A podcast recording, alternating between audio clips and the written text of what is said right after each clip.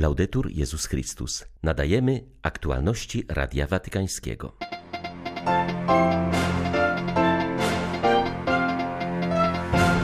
Dzielmy się doświadczeniem Jezusa, powiedział dziś papież do prawosławnych studentów.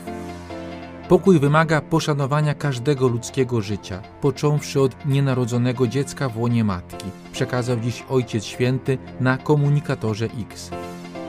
Papież Franciszek powiedział do liderów komunikacji Kościoła francuskiego: Dawajcie świadectwo odważnie i z pokorą. 12 stycznia wita Państwa ksiądz Paweł Rytel Andrianik. Zapraszam na serwis informacyjny.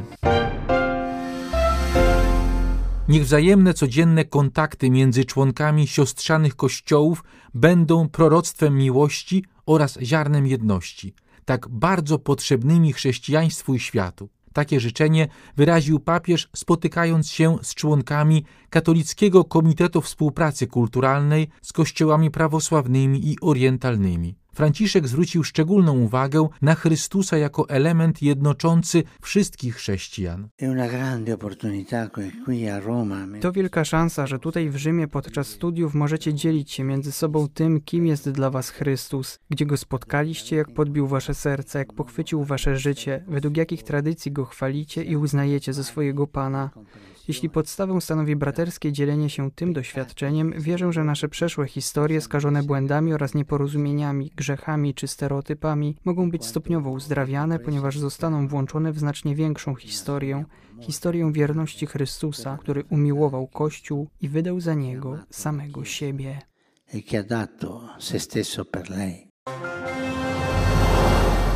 Życie jest po to, by je dawać. Życie powinno być rozdawane, a nie zarządzane, mówił dziś papież do członków Toniolo Young Professional Association, Stowarzyszenia Stypendystów Specjalnego Programu promowanego przez Instytut Błogosławionego Giuseppe Toniola w przedstawicielstwach Stolicy Apostolskiej przy organach międzynarodowych. Franciszek podkreślał konieczność zachowania w młodych odwagi i marzeń. Chodzi o przeciwstawianie się krótkiemu myśleniu, skoncentrowaniu tylko na tu i teraz. Dinanzi alla complessità W obliczu złożoności życia i świata to krótkie myślenie prowadzi do uogólniania oraz krytykowania, do upraszczania oraz fałszowania rzeczywistości w pogoni za własnymi doraźnymi interesami, a nie za dobrem innych i przyszłością wszystkich. Odczuwam niepokój, gdy słyszę o młodych ludziach zabarykadowanych za ekranem, których oczy odbijają sztuczne światło, zamiast pozwolić zabłysnąć ich kreatywności.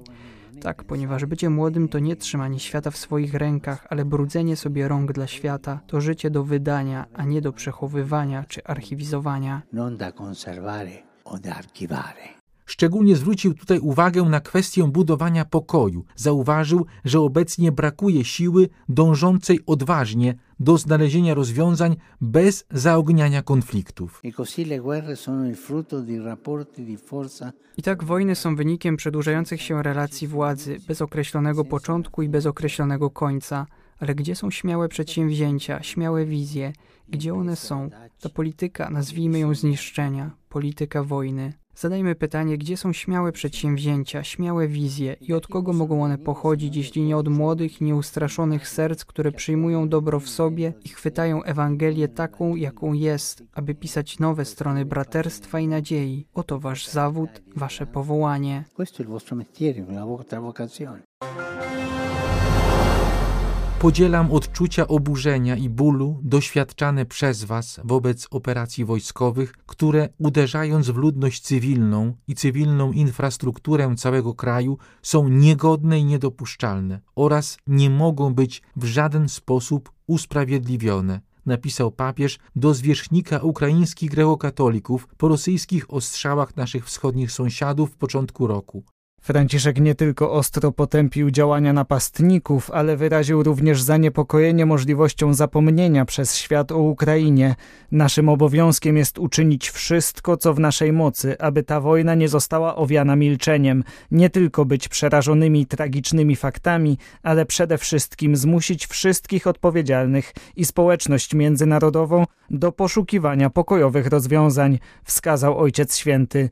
Podkreślił, że dlatego sam jak najczęściej podnosi ten temat, między innymi podczas każdej audiencji generalnej i publicznej modlitwy Anioł Pański. Papież w liście adresowanym do arcybiskupa Szewczuka dodał również wyrazy swojej osobistej bliskości z napadniętym narodem. Napisał, iż pragnie opłakiwać zmarłych i zawierzyć ich Bożemu miłosierdziu, pocieszać rannych i obejmować wszystkich, którzy w jakikolwiek sposób cierpią. Zapewnił też o swojej pamięci o duszpasterzach starających się dać nadzieję ludziom w sytuacji, która wydaje się coraz bardziej beznadziejna. Wśród tematów poruszonych przez papieża dziś na komunikatorze X oraz w noworocznym przemówieniu do korpusu dyplomatycznego szczególne poruszenie w mediach wywołało wezwanie do zakazania macierzyństwa zastępczego. Wiele osób i organizacji wyraziło wdzięczność za tę interwencję papieską, wśród nich amerykański Root Institute, Europejska Federacja Stowarzyszeń Rodzin Katolickich, a także Amerykanka Olivia Morel, która została urodzona przez matkę zastępczą i dziś walczy o zakaz tej praktyki. Franciszek podkreślał we wspomnianym wystąpieniu, że surogacja uwłacza godności osoby ludzkiej. Dziecko staje się przedmiotem kontraktu oraz wykorzystuje się trudną sytuację materialną matki. Tym, kto zarabia, są agencje pośredniczące. Dziś rano papież przyjął 150 liderów francuskiego kościoła odpowiedzialnych za komunikację na szczeblu diecezji, zgromadzeń zakonnych, nowych ruchów, wspólnot i stowarzyszeń. Audiencja odbyła się na zakończenie ich rzymskiego spotkania poświęconego modlitwie i formacji. Dzielenie się wspólnym świadectwem sprawia, że Kościół staje się wiarygodny w relacjach z mediami świeckimi i poszerza jego sieć komunikacyjną. Nie wahajcie się dzielić za sprawą środków przekazu tym wszystkim, co jest dobre w waszych diecezjach, waszych zgromadzeniach, waszych ruchach. Nie wahajcie się budować poprzez komunikację komunii w Kościele i braterstwa w świecie. Bądźcie kreatywni, bądźcie gościnni, pisze Ojciec Święty w apelu, który został przekazany uczestnikom spotkania. Przed rokiem jubileuszowym 2025 rycerze Kolumba wspierają renowację baldachimu nad ołtarzem głównym w Bazylice Świętego Piotra. Pracę zaplanowano na 10 miesięcy. Wymagająca i konieczna renowacja ma znaczącą wartość symboliczną, ponieważ baldachim zaznacza swoją wspaniałością miejsce grobu apostoła Piotra pod ołtarzem głównym, powiedział archipresbiter bazyliki kardynał Mauro Gambetti na konferencji prasowej prezentującej projekt.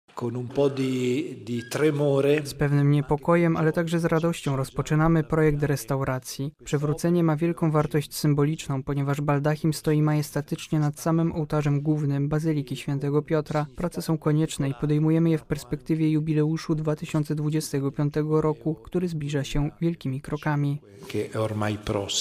Najwyższy rycerz, rycerzy Kolumba, Patrick Kelly dodał, że jest to coś więcej niż tylko odnowa historyczna i architektoniczna. Jest to odnowienie przez rycerzy wyznania wiary i wsparcia dla Ojca Świętego. Reprezentuję dwa miliony członków rycerzy Kolumba. Jesteśmy bardzo dumni, że możemy być partnerami w tym niezwykłym projekcie. Ołtarz, który jest uwieńczony baldachimem, dosłownie został zbudowany nad skałą, grobem świętego Piotra, księcia apostołów. I jest to ołtarz, na którym ofiara Chrystusa jest wielokrotnie składana przez samego następcę świętego Piotra. Oferując naszą pomoc w renowacji baldachimu Berniniego, dajemy coś znacznie więcej niż tylko odnowienie historyczne i architektoniczne. Dziś, jako dwa miliony członków rycerzy Kolumba, odnawiamy nasze wyznanie wiary i wsparcie dla Ojca Świętego. Przypominamy sobie o obietnicę Chrystusa daną Piotrowi i powierzenie mu kluczy królestwa. I wraz z Piotrem, jak Piotr, mówimy Panu, Ty jesteś Mesjasz, Syn Boga żywego. You are the Messiah, Son of the living God.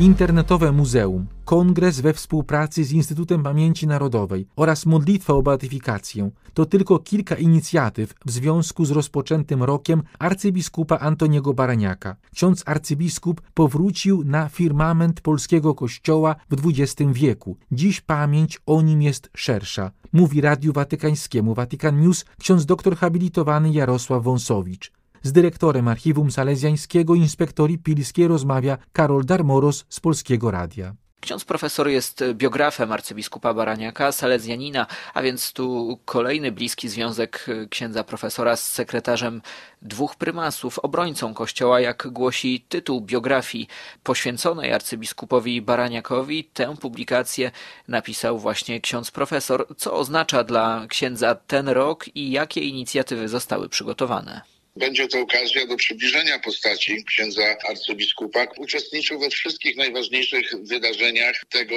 okresu. Trudnego dla Kościoła, który stał się takim przedstawicielem całego społeczeństwa w konfrontacji z władzą komunistyczną.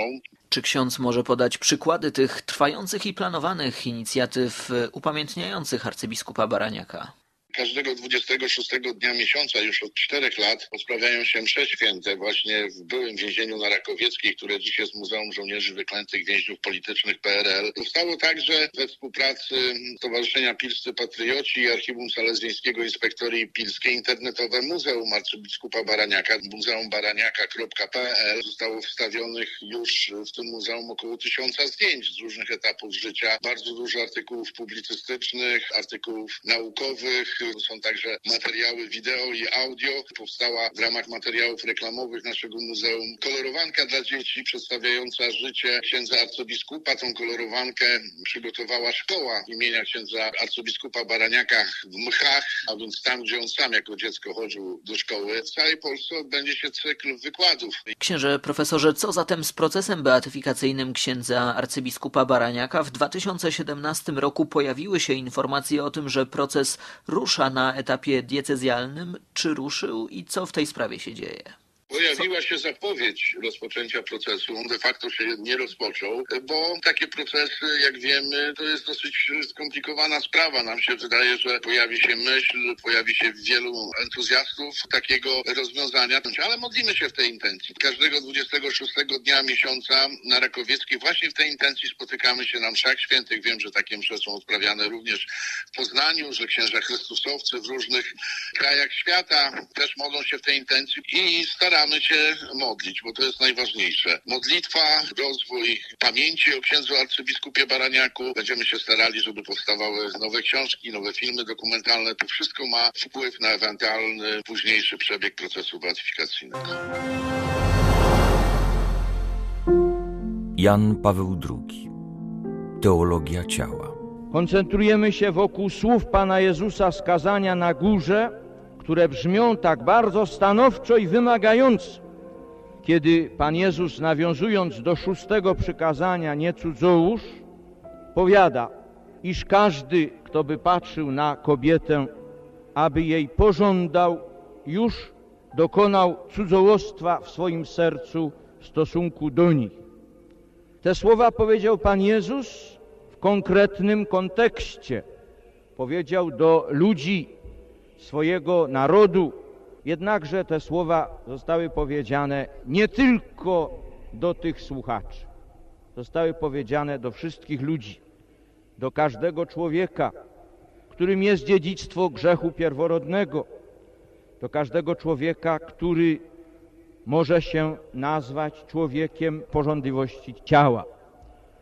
Do każdego człowieka mówi Chrystus, a mówi, zwracając się do jego serca i przez to nazywa go bardziej niż po imieniu, bo nawet imię nie określa człowieka tak bardzo od wewnątrz, jak określa go od wewnątrz właśnie to serce, do którego Chrystus się odwołuje. Całość katechezy o teologii ciała na polskiej stronie Vatican News w YouTube oraz głównych platformach podcastowych. Były to Aktualności Radia Watykańskiego. Laudetur Jezus Chrystus.